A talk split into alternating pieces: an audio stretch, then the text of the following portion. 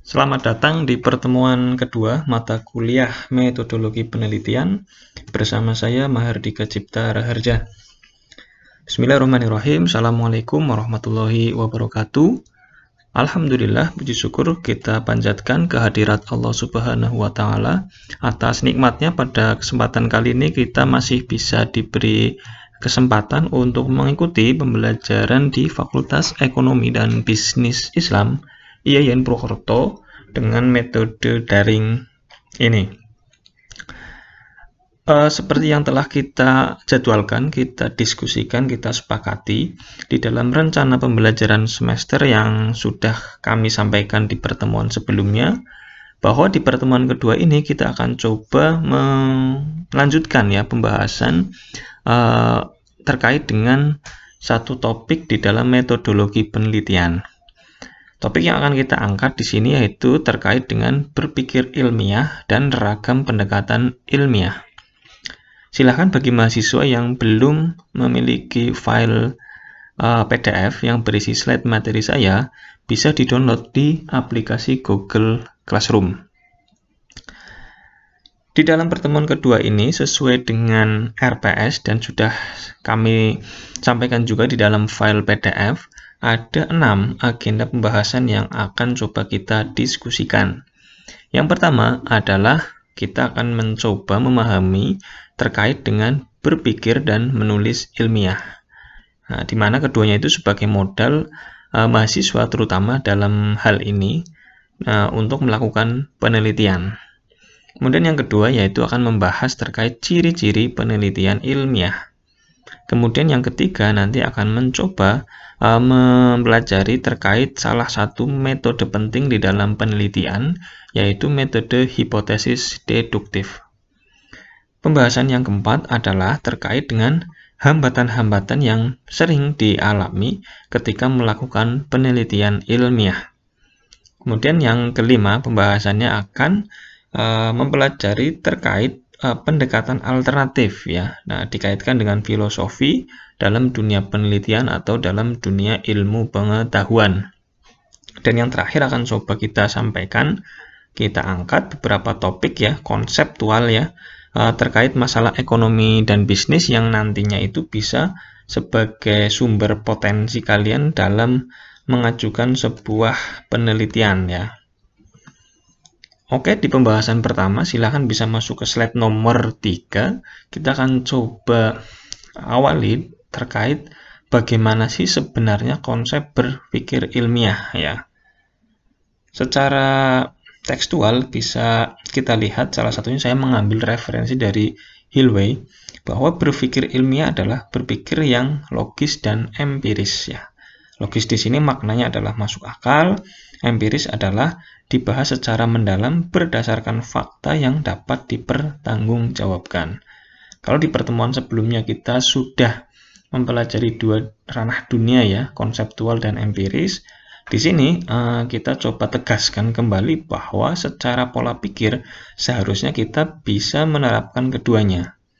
Ya, berpikir berarti menggunakan logika ya otak, Nah, di mana uh, logika itu harus dikaitkan dengan empiris ya, masuk akal dan uh, secara real uh, nyata-nyata faktanya di keseharian kita atau di studi kasus yang kita laksanakan. Secara sederhana seperti itu. Kemudian bagaimana skema dalam berpikir ilmiah ketika diimplementasikan di dalam sebuah penelitian ya. Secara sederhana ini saya sampaikan di slide nomor 4 secara dasar ketika kita akan uh, berpikir secara ilmiah adalah kita memiliki masalah ya, masalah. Masalah ini bisa bersumber dari dua, empiris dan teoritis. Secara fakta kita melihat lingkungan sekitar kita ataupun kita melihat ada perbedaan secara teori atau istilahnya itu theoretical gap ya. Uh, yang hal tersebut uh, bisa salah satu, bisa keduanya jika dikembangkan akan menjadi sebuah rumusan masalah ya. Rumusan masalah ini uh, lebih lanjut kita harus bisa uh, apa mengkombinasikan antara tataran konseptual dan tataran empiris ya. Secara konseptual jelas ada dua cara yang bisa kita lakukan dengan cara membaca dan cara berpikir uh, di buku, di jurnal gitu ya. Sedangkan untuk yang empiris kita bisa mengaplikasikannya mengaplikasikannya di keseharian kita di studi kasus perusahaan, di studi kasus organisasi, sehingga keduanya itu nanti secara kombinasi bisa kita jadikan landasan untuk pengajuan hipotesis ataupun tidak berupa hipotesis. Tergantung ya nanti ya penelitian kita itu seperti uh, apa. Kalau dia adalah pengajuan hipotesis, nanti yang dinyatakan itu adalah dugaan ya, hubungan antar variabel gitu. Dan di mana variabel-variabel yang kita hipotesiskan itu kita hubungkan ya uh, satu dengan yang lain tergantung dari teori dan empiris yang kita lakukan nantinya itu secara operasionalisasi kita harus menyusun yang namanya instrumen ya alat ya dalam mengukur variabel tersebut ditambah dengan metodologi yang harus kita lakukan. Di lain sisi, ketika hipotesis itu tidak perlu kita apa namanya uh, sampaikan untuk metode penelitian tertentu ya, kita langsung melakukan observasi ya gitu ya dengan metode jelas yang lebih sederhana. Kemudian, baik ada hipotesis ataupun tidak ada hipotesis, berpikir ilmiah itu harus menghasilkan sebuah penemuan gitu ya penemuan yang nantinya itu harapannya bisa ditarik sebuah kesimpulan yang ujungnya kesimpulan itu bisa menjawab rumusan masalah yang ketika awal tadi kita sampaikan. Secara sederhana seperti itu, pola pikir ilmiah. Kemudian, eh, ketika kita kaitkan dengan penelitian, kita diharuskan tidak hanya bisa berpikir secara ilmiah, uh, secara bukti, secara nyata, atau secara empiris ya bahasanya gitu. Ketika kita bisa berpikir ilmiah, uh, kemudian diimplementasikan di dalam sebuah penelitian, harapannya pemikiran-pemikiran tadi harus bisa uh, tertulis secara tekstual.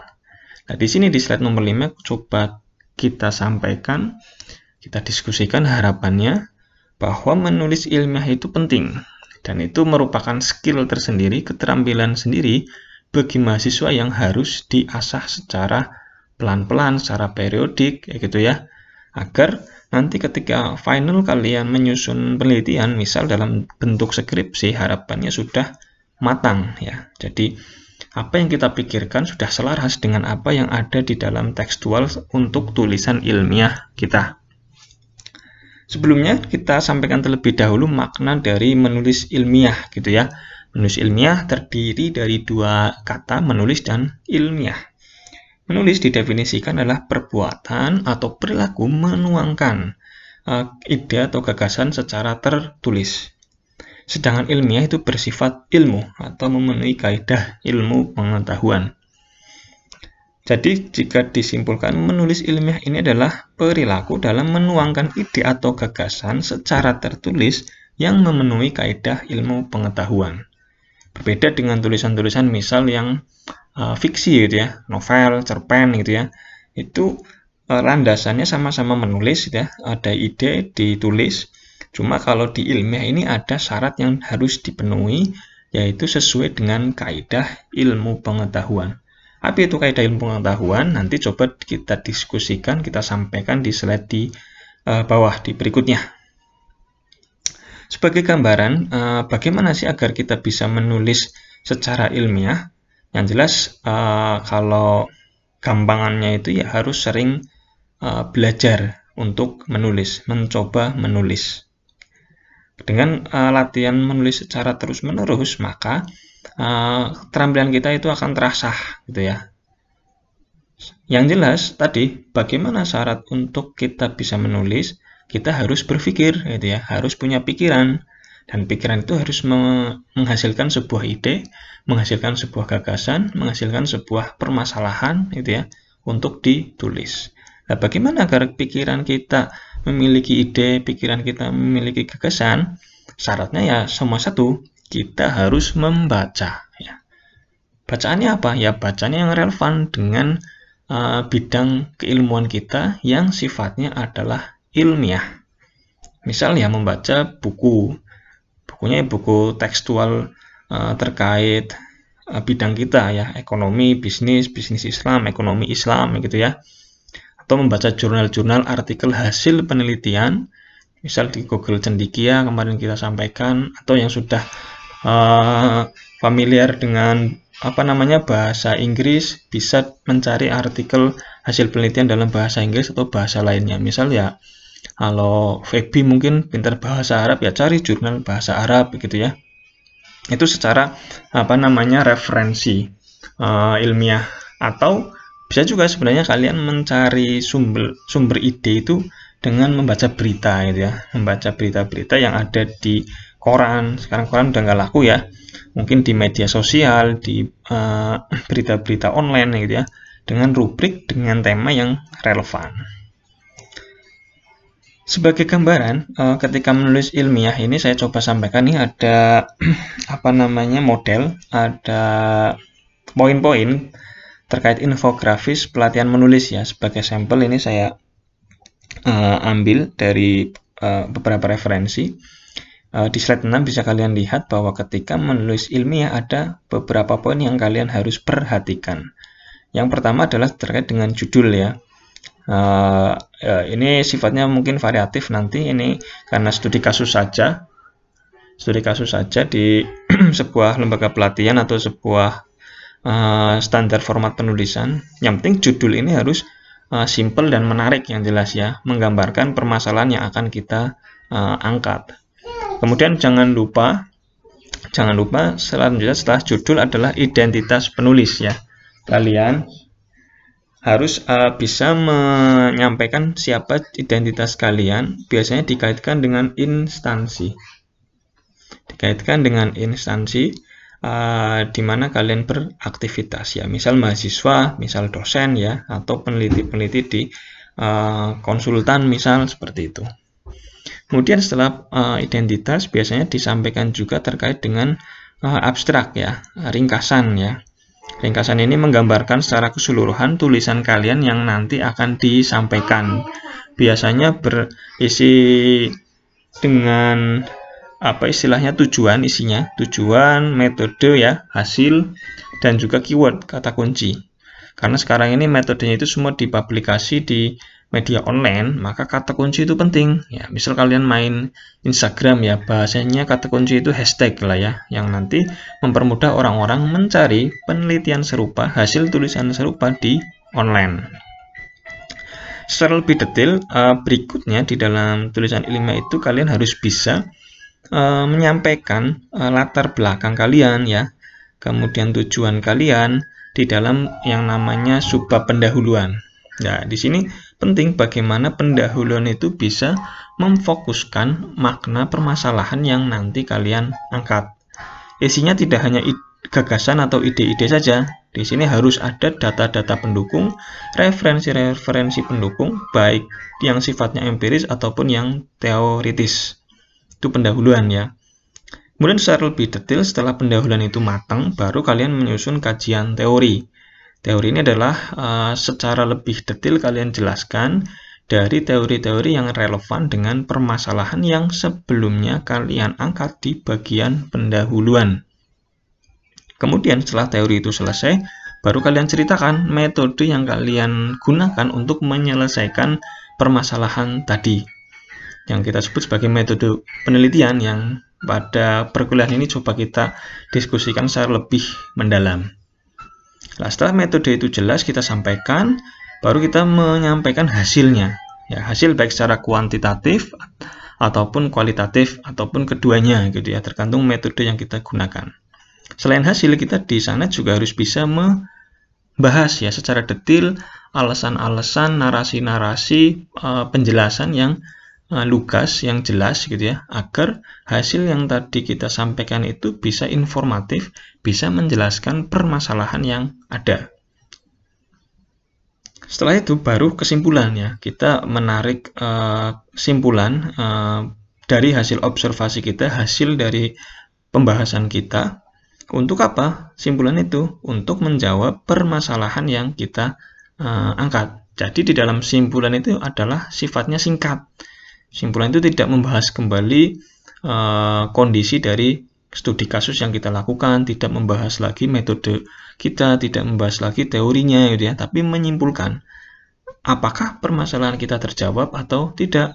Kalau terjawab seperti apa jawaban atas permasalahan kita. Dan yang penting berikutnya setelah simpulan adalah daftar pustaka. Nah, ini salah satu ukuran indikator kuantitatif sebuah tulisan ilmiah. Nah, adanya daftar pustaka membuktikan bahwa ide kita, analisis kita itu mendapat dukungan dari orang lain, dari peneliti lain, atau dari sumber yang lain. Daftar pustaka ini penting ya, semakin banyak pustaka yang kita acu, maka secara ilmiah itu semakin bagus. Ya, bisa bersumber dari buku, dari jurnal, atau dari media-media lain ya, media online ya, misal pemberitaan-pemberitaan, itu bisa dimasukkan di daftar pustaka. Yang perlu kalian pelajari ketika terkait daftar pustaka nanti adalah menulis format ya, daftar pustaka.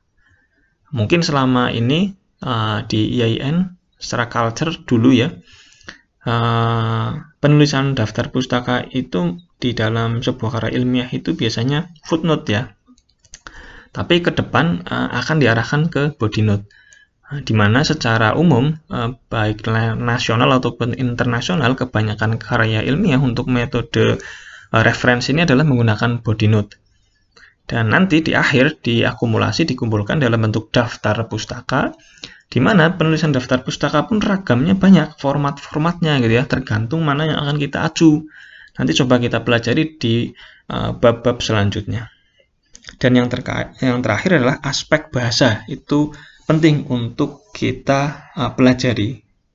Apa aspek bahasa yang perlu kita pelajari? Misal ada pengetikan, ya. Sudah zamannya sekarang bukan tulis tangan tapi ngetik kayak gitu ya. Bagaimana skill kita dalam mengetik? Bagaimana kita memilih kata yang tepat, diksi yang tepat, gitu ya, bentukan kata yang tepat. Kemudian dari kata-kata itu uh, digabungkan membentuk sebuah kalimat kalimat yang efektif itu panjangnya seberapa, apakah harus satu tarikan nafas gitu ya. Kemudian paragrafnya harus seperti apa agar menarik. Apakah paragraf itu hanya bisa apanya boleh berisi ide saja atau harus ada referensi ya. Terus ejaan, kutipan ya, rujukan-rujukan tadi misal body note atau footnote serta yang penting lagi adalah visualisasi. Jangan sampai kalian apa menyampaikan sebuah ide itu tidak menarik untuk dibaca. Untuk saat ini uh, visualisasi itu sangat penting ya menurut saya gitu ya. Bahwa ketika kita menyampaikan sebuah permasalahan, membahas sebuah permasalahan, tambahkanlah visualisasi. Bisa dalam bentuk tabel-tabel, eh, gambar-gambar ya atau infografis uh, yang memudahkan orang ketika membaca sebuah satu halaman gitu ya ada visualisasinya gambar atau tabel, orang tidak perlu membaca detail dulu, sudah bisa menggambarkan secara umum apa yang ingin kita sampaikan. Barangkali itu ya untuk menulis ya, teknik menulis. Dan ini perlu dilatih gitu ya. Ya kalau perlu nanti ya ada pelatihan menulis juga bisa gitu ya. Ataupun kalian bisa mengikuti pelatihan-pelatihan uh, menulis untuk menunjang hal tersebut. Kemudian dari sini kita akan coba lanjutkan pembahasannya terkait dengan ciri-ciri penelitian ilmiah ya. Setelah kita belajar memahami berpikir ilmiah, menulis ilmiah, kita juga harus paham apa sih ciri-ciri penelitian ilmiah itu. Setidaknya ini saya ambil referensi uh, apa dari UMA sekarang ada empat, sorry ada delapan ya ciri-ciri penelitian ilmiah.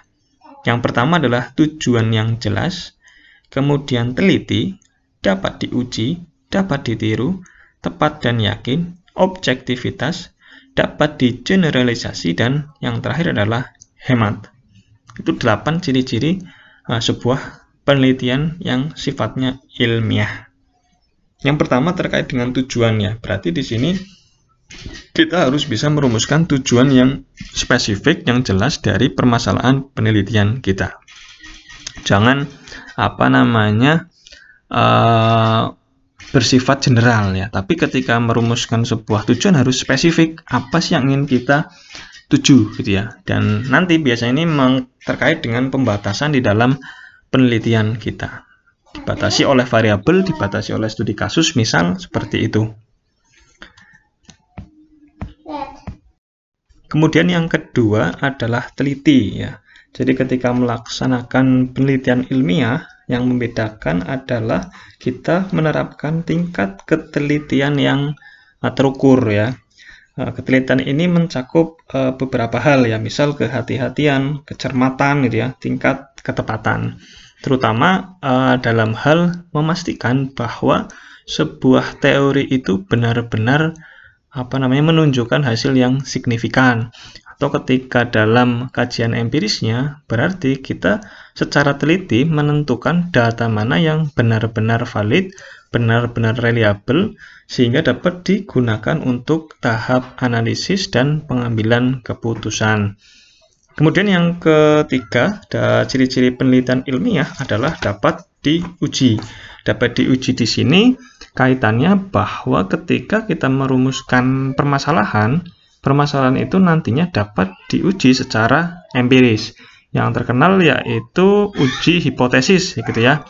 Di mana hipotesis yang kita ajukan harusnya adalah hipotesis yang dapat diuji. Apa ada hipotesis yang tidak dapat diuji? Ya banyak ya. Salah satunya misal ketika Anda menghipotesiskan bahwa Tuhan adalah yang menciptakan bumi. Itu contoh hipotesis yang tidak dapat diuji karena uh, tidak bisa kita buktikan secara empiris bagaimana Tuhan menciptakannya gitu ya.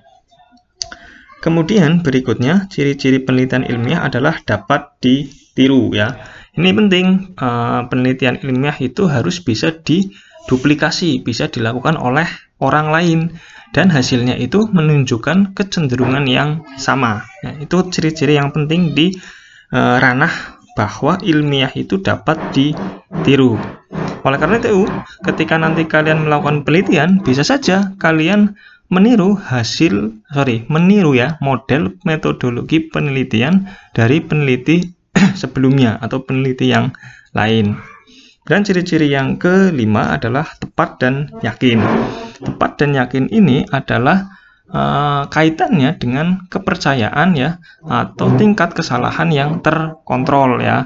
Jangan sampai kita melakukan analisis uh, padahal biasnya, kesalahannya, errornya itu tinggi gitu ya. Mungkin ini kalau pendekatannya kuantitatif lebih mudah dipahami, yaitu ketika kita belajar terkait uh, tingkat signifikansi atau tingkat alfa itu ya, yang nominalnya adalah 5% umumnya untuk ilmu sosial. Kemudian ciri-ciri berikutnya, penelitian ilmiah itu dapat digeneralisasi dapat digeneralisasi maknanya bahwa hasil kesimpulannya itu menunjukkan kecenderungan fenomena secara umum terhadap masalah yang kita hadapi. Ya, misal eh, terkait dengan teori permintaan, kesimpulannya bahwa eh, teori permintaan itu nanti hasil penelitiannya menunjukkan eh, bahwa ketika harga mengalami kenaikan, maka permintaan akan mengalami penurunan. Nah, hasil itu harus bisa digeneralisasi. Secara umum, ketika harga barang mengalami kenaikan, maka permintaannya akan uh, turun. Itu contoh generalisasi. Dan yang terakhir adalah hemat ya. Bahwa di dalam penelitian ilmiah ini, alternatif salah satunya adalah untuk melakukan penghematan. Karena dalam observasinya kita bisa memilih eh, hal-hal uh, yang sifatnya itu mewakili kelompok tertentu ya. Kalau di statistik, di metodologi nanti kita kenal istilah sampling ya. Bagaimana sampel itu kita ambil uh, dan hasil dari sampel itu menggambarkan kondisi populasi. Itu ya beberapa poin sedikit penjelasan terkait ciri-ciri penelitian ilmiah.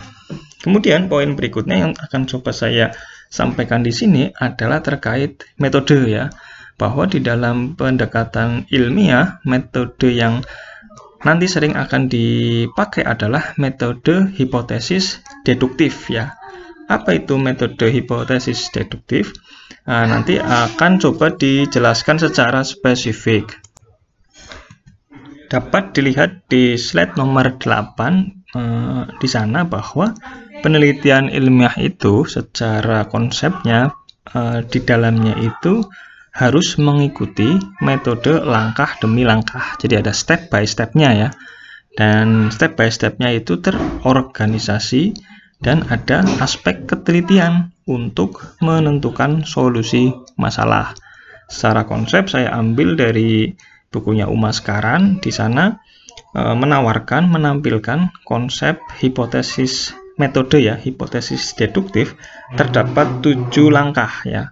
Yang pertama adalah mengidentifikasi bidang masalah yang luas, kemudian kedua menentukan rumusan masalah, ketiga membuat hipotesis, e, keempat adalah menentukan ukuran, kelima mengumpulkan data, keenam analisis data, dan yang terakhir interpretasi data. Itu yang secara umum dikatakan sebagai hipotesis deduktif. Coba review sedikit terkait dengan poin pertama yaitu mengidentifikasi bidang masalah yang luas. Itu kita kaitkan dengan pertemuan sebelumnya ya, bahwa di dalam penelitian bidang permasalahan itu sangat luas gitu ya. Kita harus bisa mengobservasi gambaran umum masalah-masalah yang ada atau gambaran makronya gitu ya. Setelah kita bisa menggambarkan uh, gambaran umum baik secara teoritis ataupun empiris dilengkapi dengan bukti dan referensi yang memadai, selanjutnya kita harus bisa menentukan rumusan masalah gitu ya. Dari hal yang umum tadi harus bisa kita fokuskan pada poin-poin mana yang akan kita jadikan rumusan masalah penelitian. Tahap berikutnya baru menyusun sebuah hipotesis ya. Hipotesis ini adalah sebagai sebuah langkah kita menduga arah seperti apa dari jawaban dari fenomena yang akan kita potret. Kemudian dari hipotesis itu selanjutnya dalam metodologinya kita harus bisa menentukan ukuran ya. Ukuran-ukuran apa saja yang diambil di sini? Yaitu ukuran terkait dengan bagaimana kita mengukur e, permasalahan itu dalam bentuk indikator-indikator yang mencerminkan e, kondisi sebuah variabel ataupun ukuran lain, misal ukuran dari besarnya data yang dapat kita ambil atau seberapa dalam data itu harus kita observasi gitu ya. Kemudian setelah ada ukurannya baru kita secara teknis melakukan pengumpulan data. Ya, pengumpulan data ini nanti tantangannya banyak ya, terutama yang data sifatnya adalah primer di mana kita harus terjun ke lapangan. Dari hasil pengumpulan data selanjutnya kita harus bisa menganalisis ya, apakah kita menggunakan analisis kuantitatif ataupun kualitatif. Kemudian terakhir dari analisis itu kita juga harus menginterpretasikan datanya menjelaskan, membahas ya gitu ya, mengkaitkan antara teoritis dan empiris sehingga harapannya nanti di tahap akhir kita bisa e, melakukan kesimpulan ya untuk menjawab rumusan masalah yang kita e, ajukan sebelumnya.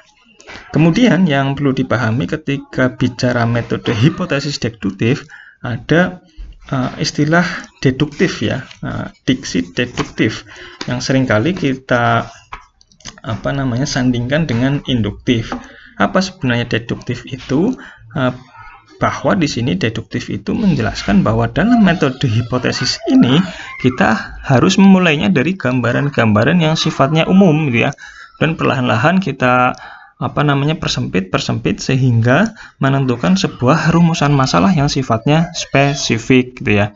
Baru kemudian ketika kita menguji hipotesis kita balik yang tadinya deduktif yang sifatnya sempit tadi kita uji, kita analisis sehingga menghasilkan sebuah kesimpulan, kita generalisasi berdasarkan teori atau konsep yang umum terjadi atau istilahnya ketika uji hipotesis ini kita melakukan proses induktif. Jadi bisa paham ya antara deduktif dan induktif di dalam metode hipotesis deduktif. Deduktif mencirikan proses secara keseluruhan terutama dalam hal perumusan masalah, sedangkan induktif adalah ketika proses uji hipotesisnya. Pembahasan berikutnya akan coba saya tampilkan bagaimana terkait dengan hambatan dan tantangan dalam penelitian ilmiah ya.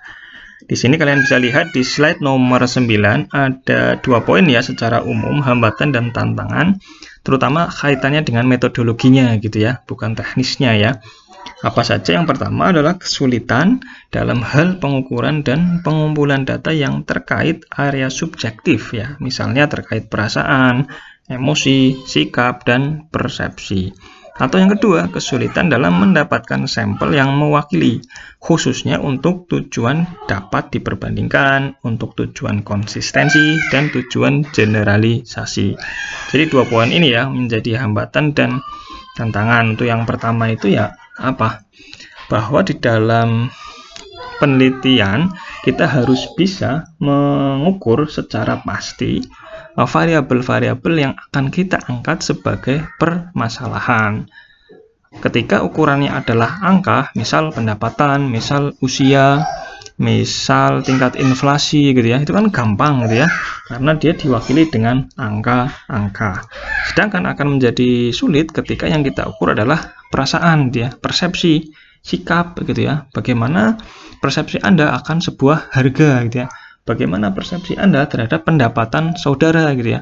Itu lebih sulit untuk mengukurnya. Makanya nanti di bab selanjutnya ada bab khusus yang membahas bagaimana mengukur sebuah variabel. Atau permasalahan berikutnya yang cukup pelik adalah menentukan sampel yang tepat ya Eh, bahwa ketika kita sudah memperoleh alat ukur yang tepat, kita juga harus bisa memperoleh data ataupun istilahnya alat ukur itu harus tepat diimplementasikan di mana gitu ya. Atau sampel mana yang tepat paling cocok untuk mengisi alat ukur kita gitu ya. Itu juga sesuatu yang cukup pelik ya gitu ya, cukup rumit dan nanti akan coba kita terangkan, kita jelaskan di dalam metode uh, sampling gitu ya, metode pengambilan sampel. Itu ya contoh uh, pembahasan terkait hambatan dan tantangan ketika nanti kalian akan melakukan penelitian ilmiah. Pembahasan berikutnya di sini akan coba saya sampaikan di slide nomor 10 yaitu terkait dengan pendekatan alternatif penelitian. Jadi Eh, ketika kita akan melakukan penelitian secara filosofi gitu ya ini gambaran umumnya ya para peneliti-peneliti dengan berbagai mazhabnya uh, di sana ada filosofi-filosofi yang berbeda antara kelompok peneliti satu dengan kelompok peneliti yang lain setidaknya saya coba pelajari di sini dari bukunya Umas Sekaran dia menampilkan menyampaikan ada empat pendekatan ya dalam kaitannya kita melakukan uh, penelitian atau mencoba menjawab sebuah permasalahan. Apa saja? Yang pertama adalah positivisme, kedua adalah konstruk konstruksinisme, kemudian relatisip, re, realisme kritis, dan yang terakhir adalah pragmatisme. Ini ranahnya adalah ranah-ranah filosofis, filosofis ya, uh, apa namanya? Uh, dasar ya hal-hal dasar yang di level S1 ya belum ha, belum tentu harus diperdalam hanya sebagai informasi awal saja bahwa nanti ketika kalian mendalami dunia penelitian misal lanjut ke S2 ataupun berprofesi di bidang peneliti ada beberapa pendekatan ya yang dapat digunakan sebagai alternatif kalian melakukan penelitian. Kemudian yang coba saya jelaskan di sini, uh, yang pertama ya terkait dengan positivisme uh, menjelaskan bahwa secara umum uh, kebenaran itu bisa digeneralisasi. Itu pendekatan dari positivisme. Nah, generalisasi ini caranya bagaimana? Harus menggambarkan atau membuktikan ya di dalam ranah empiris nah, bahwa permasalahan bahwa uh, jawaban harus ada di uh, empiris di kenyataan itu ya dan dapat digeneralisasi. Dan yang apa kaitannya erat di dalam positivisme ini adalah hukum sebab akibat ya. Nah, ketika misalnya nih, ketika harga naik, maka permintaan akan turun gitu ya. Ketika harga naik, maka penawaran akan naik kayak gitu ya. Ketika apa eh, tingkat gaji mengalami peningkatan, maka motivasi bekerja akan meningkat gitu ya. Atau faktor-faktor lain yang menghubungkan sebab akibat antara satu variabel dengan variabel lainnya. Kemudian uh, pendekatan yang kedua di sini adalah pendekatan konstruksionisme ya. Bahwa pendekatan ini adalah kebalikan dari positivisme.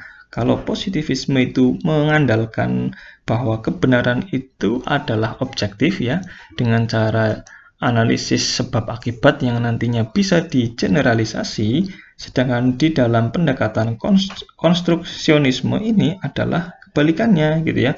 Bahwa sebuah kebenaran itu adalah sifatnya unik gitu ya. Antara satu individu dengan individu lain akan menanggapi ya sebuah permasalahan itu berbeda-beda gitu ya. Makanya dalam penelitian ini nanti implementasinya itu banyak uh, dengan menggunakan pendekatan kualitatif kalau tadi positivisme itu kebanyakan adalah kuantitatif Kenapa ini kualitatif dalam konstruksionisme adalah tujuannya tadi uh, untuk bisa menggali keunikan perbedaan-perbedaan setiap individu dalam uh, mengatasi sebuah permasalahan atau dalam menjawab sebuah pertanyaan penelitian. Dan implikasinya apa? Implikasinya jelas, kesimpulannya nanti tidak bisa digeneralisasi seperti halnya ketika kita melakukan Uh, penelitian dengan pendekatan positivisme. Kemudian yang ketiga ada pendekatan lain yaitu realisme kritis gitu ya. Realisme kritis ini mencoba menengahi ya, mengkombinasikan antara positivisme dan konstruksionisme. Kalau positivisme itu adalah kebenaran itu yang sifatnya objektif ya. Yang general yang umum itu dianggap sebuah kebenaran artinya yang minor-minor itu dianggap salah gitu ya. Sedangkan kebalikannya yang konstruksionisme dia menganggap bahwa kebenaran itu yang enggak ada yang ob, yang objektif gitu ya. Semuanya bersifat spesifik khas ya. Nah, antara satu studi dengan studi yang lain antara satu individu dengan individu yang lain. Jadi coba dikombinasikan ya oleh pendekatan realisme kritis gitu ya jadi yang kental yang menarik di dalam realisme kritis ini ada istilahnya aktivitas konfirmasi gitu ya. Dia uh, mengiyakan pendapat bahwa yang dominan uh, bahwa objektif itu penting sebagai landasan kebenaran, sebagai landasan jawaban atas sebuah permasalahan gitu ya. Tapi dia belum mengkonfirmasi gitu ya. Secara metodenya konstruksionisme, secara individu satu dengan individu yang lain perlu melakukan konfirmasi. Makanya ketika bicara pendekatan realisme kritis, ada satu hal yang menjadi ciri khas di sini, yaitu aktivitas triangulasi, yaitu mencoba melakukan konfirmasi terhadap sebuah fenomena dikonfirmasi ke beberapa pihak yang terkait gitu. Misal kita membahas terkait dengan manfaat adanya sebuah apa manfaat adanya sebuah perusahaan gitu ya di sebuah kawasan. Sebuah kawasan misal ada perusahaan baru apakah dia berdampak bermanfaat bagi lingkungan sekitar gitu ya? Kita coba cari siapa yang akan dikatakan memberi manfaat Nah, kalau observasinya kita hanya ke tenaga kerja, jelas dia akan memberi manfaat karena dia secara langsung memperoleh uh, gaji dari perusahaan tersebut. Tapi coba kita lakukan triangulasi, kita lakukan konfirmasi kepada pihak-pihak lain yang terkait. Misal kita tanyakan ke manajemennya ya, pengelola, kepada hmm, pemerintah setempat, kepada masyarakat yang tinggal di sekitarnya gitu ya, atau kepada eh, tokoh-tokoh uh, yang ada di masyarakat. Itu ya uh, perbedaan yang khas dari pendekatan realisme uh, kritis. Kemudian pendekatan terakhir yang coba uh, disampaikan dalam buku yang umat sekarang adalah pendekatan pragmatisme. Ya, pendekatan ini juga cukup unik ya yang, dan biasanya itu apa namanya berbeda dengan pendekatan-pendekatan berikut uh, sebelumnya ya. Uh, terutama ketika kita melihat uh, bagaimana pandangan realisme kritis ya. Kalau realisme kritis itu lebih pada mengkombinasikan ada proses triangulasi, ada proses konfirmasi, Sedangkan kalau pragmatis ini dia secara umum menerima bahwa adanya apa ranah pembahasan, ranah penyelesaian penelitian yang sifatnya objektif seperti positivisme ataupun yang ranahnya subjektif seperti konstruksionisme. Cuma di dalam pragmatisme tidak berusaha mengkombinasikan, tapi dia uh, akan mendasarkan pada fokus penelitiannya itu mau yang ke mana? Apakah dia akan ke arah generalisasi atau ke arah subjektivisme gitu ya? Apakah positivisme atau konstruksionisme gitu ya? Karena kedua hal itu sama-sama menarik dalam pandangan pragmatisme. Dan yang menjadi kunci di dalam pragmatisme ini adalah tergantung dari pertanyaan penelitian kita atau batasan penelitian yang kita buat di dalam kajian uh, kita. Sama-sama kita ingin mengkaji misal tadi ya, contoh yang sebelumnya adalah dampak adanya investasi perusahaan baru di sebuah wilayah gitu ya. Tergantung ini dipandang oleh pragmatisme ini si peneliti akan melihat dari sisi mana? Sisi makro ya. Kalau sisi makro berarti dia harus memanfaatkan semua stakeholder ya, pihak-pihak yang terkait ketika perusahaan itu berdiri. Tapi ada juga penelitian lain yang secara spesifik dia hanya fokus ke sosial masyarakat, sosial ekonomi masyarakat. Berarti bagaimana perusahaan itu bisa berdampak pada masyarakat sekitar yang secara tidak langsung dia uh, memperoleh manfaat ya dari adanya perusahaan tersebut. Itu sudut pandang yang berbeda yang uh, secara pragmatisme keduanya itu menarik, keduanya itu bisa dikaji, keduanya bisa di lakukan untuk pendekatan uh, ilmiah. Itu ya barangkali secara singkat terkait dengan empat pendekatan uh, sebagai alternatif ketika nanti kalian melakukan uh, penelitian ilmiah gitu.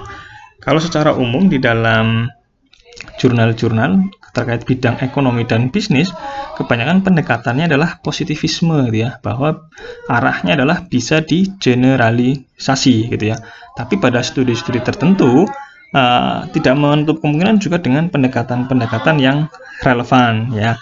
Dan nanti akan menentukan metodologinya apakah kualitatif atau kuantitatif ataupun campuran ya antara kuali dan kuantitatif. Pembahasan terakhir di pertemuan kedua ini akan coba saya angkat ya uh, sebagai pematik ya bagi kalian uh, mahasiswa uh, secara sedini mungkin mempersiapkan akan mengarah ke masalah seperti apa, topik seperti apa yang akan dijadikan tema penelitian ya.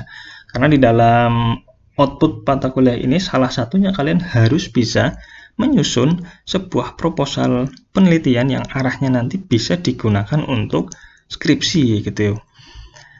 Di sini kan kalian bisa lihat di slide nomor 11 saya coba batasi dua ya di sini topik masalahnya yaitu di bidang ekonomi dan bisnis ya. Kenapa nggak ada Islamnya Pak? Ya karena secara core keilmuan yang namanya ekonomi ya ekonomi saja gitu ya, bisnis bisnis saja tergantung sudut pandang apa yang akan kita gunakan? Sudut pandang konvensional atau sudut pandang syariah tergantung dari si peneliti. Uh, secara konsep kalian bisa pelajari sebenarnya eh, bidang-bidang uh, yang ada di dalam lingkup ekonomi dan uh, bisnis ya. Seperti saya jelaskan di situ ada dua poin ya di bawah itu ya. Sumber empiris dan sumber fundamental ya Tergantung kalian mau dari arah mana nih mencari permasalahan penelitian. Cuma secara prinsip pada awalnya kalian itu kalau mahasiswa gitu ya, pendidik uh, di akademisi gitu ya, adalah dasarnya adalah fundamental untuk mengetahui seberapa luas topik-topik uh, masalah penelitian yang ada. Kita coba review di sebenarnya di sini ya dari mata kuliah. Mata kuliah sebelumnya yang kalian peroleh Nah, misal di bidang ekonomi, secara umum ekonomi itu uh, topik permasalahannya hanya ada dua ya, yaitu di ranah mikro sama ranah makro ya. Cuma dari mikro dan makro ini akan berkembang sangat uh, luas gitu ya.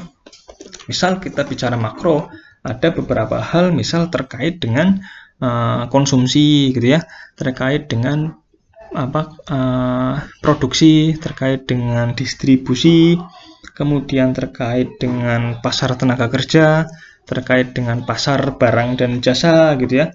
Dan dari poin-poin tadi bisa kalian turunkan lagi ya, misal terkait uh, dengan elastisitas, kemudian terkait jenis-jenis pasar ya. terkait dengan instrumen pajak. Kalau di Islam mungkin ada instrumen uh, zakat gitu ya. Kemudian kalau lebih luas lagi ada jangkauan aktivitas yang terkait dengan internasional gitu ya dan masih banyak lagi. Intinya untuk memahami poin ini kalian wajib uh, membaca referensi ya, minimal ya buku dulu ya. Kalau kalian ingin memahami secara uh, keseluruhan topik-topik yang ada di ranah ekonomi mikro. Begitu juga di makro gitu ya. Jangkauannya adalah lebih luas ya terkait dengan kebijakan pemerintah misal dengan pengangguran, dengan kemiskinan, dengan ketimpangan gitu dengan apa sektor primer ya sektor pertanian uh, peternakan uh, kelautan gitu. Uh, terus juga dengan pasar modal gitu ya. Sangat luas jangkauannya ketika bicara makro. Sama kuncinya adalah membaca buku referensi yang tersedia itu untuk ekonomi. Bagi kalian yang tertarik di bidang ekonomi bisa membaca isu-isu yang ada di buku referensi yang dulu kalian pakai di mata kuliah tersebut. Ataupun kalau tidak ya bisa konsultasi lah ke saya untuk buku-buku yang mungkin bisa menjadi rekomendasi. Dan yang bidang bisnis ya tertarik di bidang bisnis nah, di manajemennya gitu ya ada beberapa bidang yang bisa kalian uh, pilih ya tertarik yang mana gitu ya. Secara umum di bidang bisnis itu ada empat ya, ada empat bidang. Bidang keuangan, bidang pemasaran, bidang sumber daya manusia, dan bidang operasional. Bicara bidang keuangan berarti itu ya terkait dengan uang lah ya. Mulai dari bagaimana uang itu ber, uh, diperoleh, kemudian mengelola uang itu, sampai dengan melaporkan uang tersebut. Kalau memperoleh ya nanti bisa berkait dengan investasi gitu ya, berkait dengan saham, reksadana, pasar modal gitu ya, indeks harga saham eh, yang kaitannya itu adalah di pasar uang ya. Kemudian di ranah pengelolaannya nanti ada capital budgeting, bagaimana penganggaran, bagaimana uh, sebuah investasi itu dikatakan menguntungkan ya, dikaitkan dengan waktu nilai uang, Kemudian dalam hal pelaporan, misal berarti kita menganalisis laporan keuangan ya, kenal dengan rasio-rasio keuangan, bagaimana dikatakan laporan keuangan itu baik, bagaimana laporan keuangan mencirikan kinerja perusahaan, dan lain sebagainya. Begitupun di pemasaran, sama luasnya gitu ya. Nah, pemasaran tidak hanya bicara terkait bagaimana menjual produk, tapi lebih dalam lagi pemasaran juga memah harus memahami, mempelajari bagaimana pasar berperilaku gitu ya. Karena seperti kita ketahui uh, yang namanya manusia itu berubah-ubah gitu ya, termasuk dengan perilakunya. Nah, di sini di pemasaran juga membahas hal yang sama gitu ya. Kajiannya jauh lebih luas dan juga apa cepat berubah gitu ya, cepat berubah karena perkembangan zaman yang ada beberapa ya yang bisa kalian pilih misal di pemasaran uh, terkait merek, terkait brand ya kemudian terkait persepsi konsumen, terkait perilakunya konsumen gitu ya, kemudian periklanan, kemudian terkait produk itu sendiri, terkait dengan services, layanan, kemudian terkait dengan strategi juga bisa gitu ya, terkait dengan value, nilai-nilai dari sebuah apa namanya perusahaan atau sebuah merek dan masih banyak lagi. Intinya mengkaji bagaimana sebuah produk itu bisa menarik pasar dan mengkaji juga seperti apa pola perilaku pasar. Kemudian bidang kajian bisnis yang ketiga adalah SDM ya, sumber daya manusia.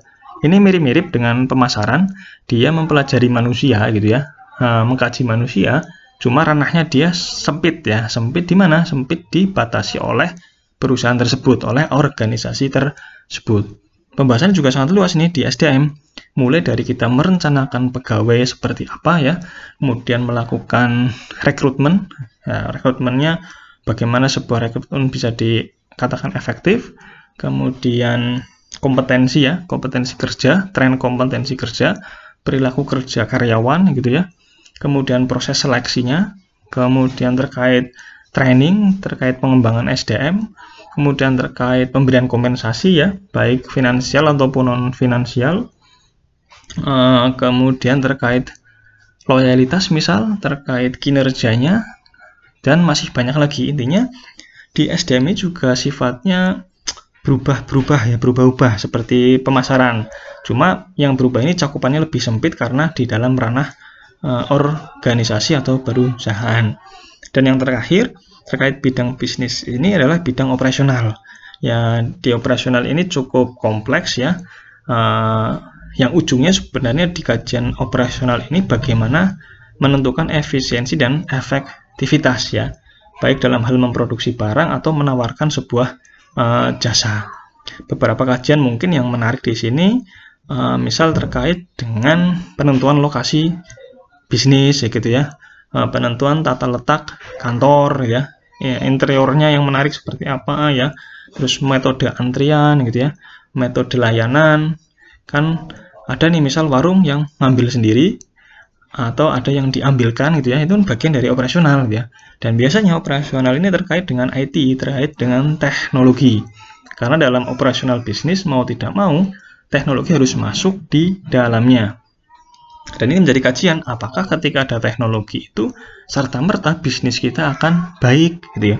Atau sebaliknya eh, kita akan lebih baik ketika bisnisnya adalah padat karya, banyak pegawai daripada menggunakan teknologi yang canggih. Nah, itu bagian kajian dari operasional.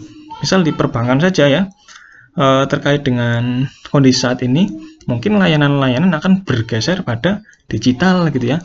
Makanya harus ada efisiensi secara operasional.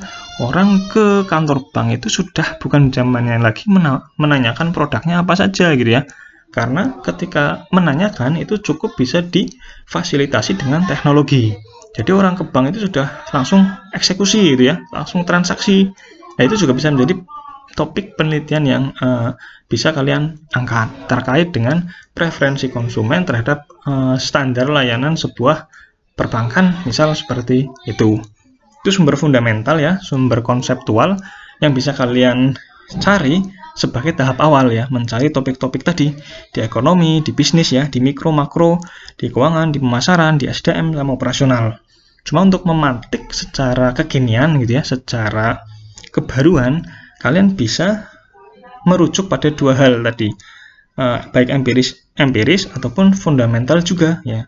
Kalau fundamental, kalian berarti bukan membaca buku referensi, tapi wajib membaca jurnal hasil penelitian yang terbaru ya minimal eh, lima uh, tahun terakhir. Selain terbaru, kalian juga harus bisa memilih jurnal-jurnal yang berkualitas. Jurnal yang berkualitas itu yang seperti apa? Uh, mungkin nanti ada pembahasan sendiri ya di bab-bab selanjutnya. Secara garis besar adalah jurnal yang bereputasi. Coba kalian pelajari jurnal bereputasi itu maknanya apa? Ya, ada standar berbeda antara jurnal bereputasi di Indonesia dan di internasional. Kalau di Indonesia itu istilahnya Sinta ya, Sinta-sintaan ya, Rama Sinta mungkin ya. Uh, Sinta, jadi yang paling ada grade-nya ya, Sinta 1 sampai Sinta 6. Sinta yang paling bagus adalah Sinta 1, terus turun ke 6 sampai tidak masuk Sinta, itu grade-grade-nya. Sedangkan untuk internasional, kalian mungkin sering dengar ada istilah Scopus ya. Scopus sama, ia adalah lembaga yang memverifikasi kualitas sebuah jurnal di level internasional. Scopus pun juga ada level-levelnya. Dia menggunakan istilah kuartil ya, Q ya. Q1 sampai Q4, kuartil 1 sampai kuartil 4, di mana Q1 itu yang paling bagus, turun sampai ke 4, sampai yang tidak memiliki kuartil ya. Itu yang bisa kalian rujuk, kalian pilih sebagai jurnal yang dikatakan uh, berkualitas, bereputasi gitu ya, untuk dijadikan landasan kalian mencari masalah penelitian secara fundamental, secara teoritis. Jadi kalian bisa mengetahui ketika membaca jurnal-jurnal itu topik apa yang sedang tren gitu ya. Kemudian ada masalah apa di ranah tersebut. Atau yang lain kalian sebenarnya juga bisa melihat selain dari update jurnal ya, uh, apa namanya?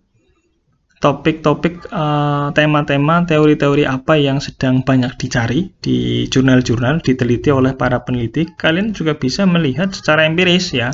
Kalau saya biasanya mudahnya itu membaca media online ya terkait dengan bidang uh, rubrik ekonomi rubrik bisnis gitu ya.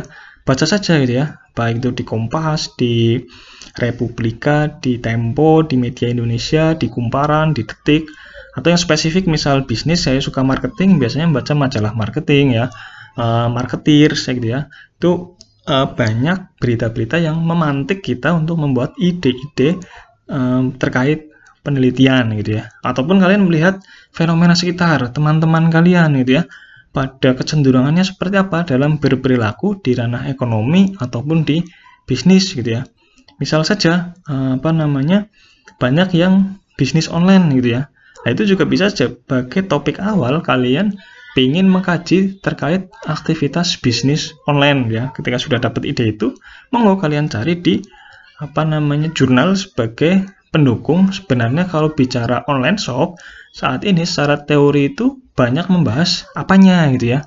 Apakah terkait strategi dia berjualan atau perilaku pembeli dalam all shop atau aspek lain yang mungkin itu tidak kita duga gitu ya. Misal kok ternyata yang menarik itu sekarang membahas masalah jasa ekspedisi online shop gitu ya atau membahas apa namanya harga-harga yang unik di dalam all shop gitu ya. Itu yang mungkin nanti bisa membantu kalian menentukan topik masalah penelitian. Barangkali itu ya. Untuk lebih detailnya nanti bisa dilakukan uh, di sesi diskusi yang menggunakan fasilitas WhatsApp group. Monggo untuk pertanyaan untuk kebingungan bisa di-sharing melalui grup WhatsApp. Uh, nanti bisa saya respon baik cepat ataupun lambat ya. Fleksibel aja lah karena ini online juga. Uh, yang penting kalian paham di sini bahwa secara apa namanya secara filosofi di dalam penelitian itu kita harus mampu berpikir secara ilmiah, mampu menulis ilmiah, dan kita harus tahu beberapa alternatif pendekatan untuk melakukan penelitian ilmiah. Saya kira itu ya untuk pertemuan kedua ini. Uh, mohon maaf atas kekurangan, atas kurang lebihnya. Uh, kita jumpa lagi pada session berikutnya. Wabillahi taufik wal hidayah. Wassalamualaikum warahmatullahi wabarakatuh.